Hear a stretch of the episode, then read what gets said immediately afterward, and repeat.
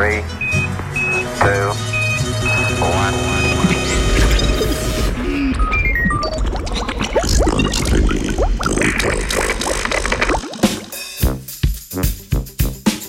Divje živali v okolici Černobila.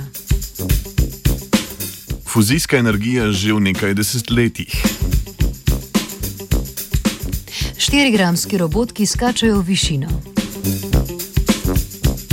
Znanstveniki na Antarktiki zlorabljajo alkohol. Znanstveni Britov tokrat začenjamo radioaktivno. Raziskovalci iz Belorusije in Združenega kraljestva so odkrili, da populacijam sesalcev povečano radioaktivno sevanje ne škodi tako, kot so v preteklosti domnevali. Njihovo število je zaradi prepovedi poseljevanja na zaprtem območju okoli jedrske elektrarne v Černobilu precej večje kot pred nesrečo. Do teh ugotovitev so raziskovalci prišli z opazovanjem jelenov, merjascev, srn in volkov v beloruskem delu zaprtega območja.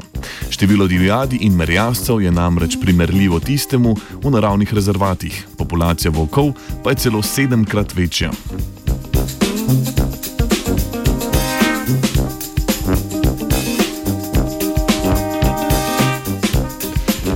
Tako so odkrili, da korelacija med onesnaženostjo z radioaktivnim sevanjem in populacijo živali ne obstaja.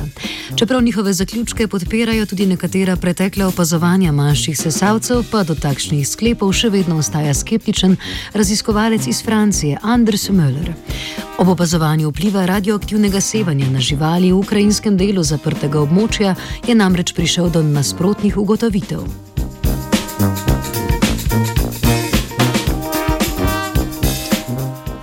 Očitno pa se divjad v Belorusiji še ne more tako hitro veseliti, kajti fuzijske elektrarne bi lahko postale realnost že v nekaj desetletjih. Te bodo namreč za razliko od sedanjih fizijskih proizvajale minimalno količino radioaktivnih odpadkov. Raziskovalci iz Univerze v Daremu ter z Centra za fuzijsko energijo v Kalamu so naredili analizo, s katero so ocenili stroške izgradnje, obratovanja in razgradnje fuzijskega jedrskega reaktorja. Mm-hmm.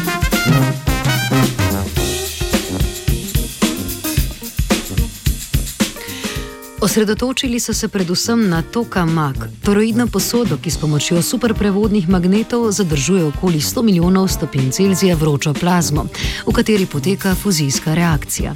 Cena zasnove tokamaka se zmanjšuje, saj ga je za zdaj mogoče narediti iz več magnetov na mesto enega.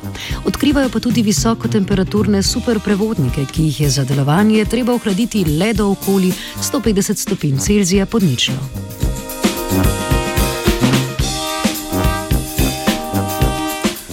Znanstveniki in drugi delavci na Antarktiki si, si, beli in, si beli in mrzli vsakdanjik pogosto obarvajo z alkoholom.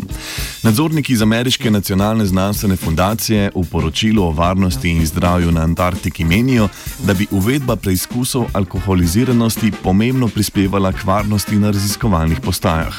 Nadzorniki so v laboratorijih našli večje količine etanolskih zvarkov, neki raziskovalec pa je tam celo varil lastno pivo. Po poročanju lokalne nadzornice sta kar dve tretjini disciplinskih postopkov na tamkajšnjih ameriških raziskovalnih postajah povezani z zlorabo socialnega lubrikanta.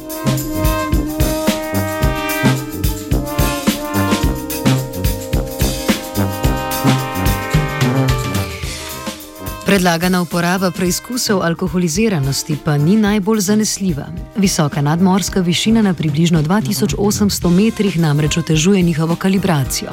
Kljub temu bi verjetno že sama prisotnost alkotestov mnoge odvrnila od prekomernega pitja.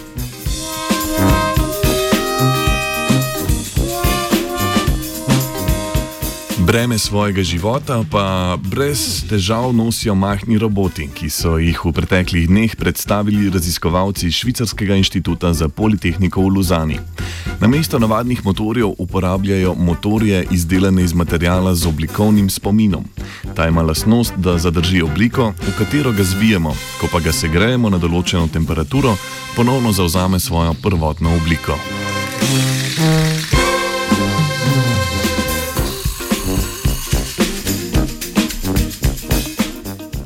Segrevanjem in ohlajanjem ločenih motorjev, nameščenih na različnih mestih, se robotki lahko premikajo v različne smeri.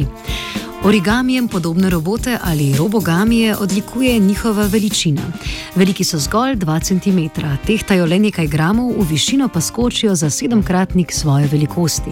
Robotki so uporabni predvsem pri gibanju na neravnih površinah, njihove značilnosti pa bi omogočile poceni izdelavo v velikih količinah.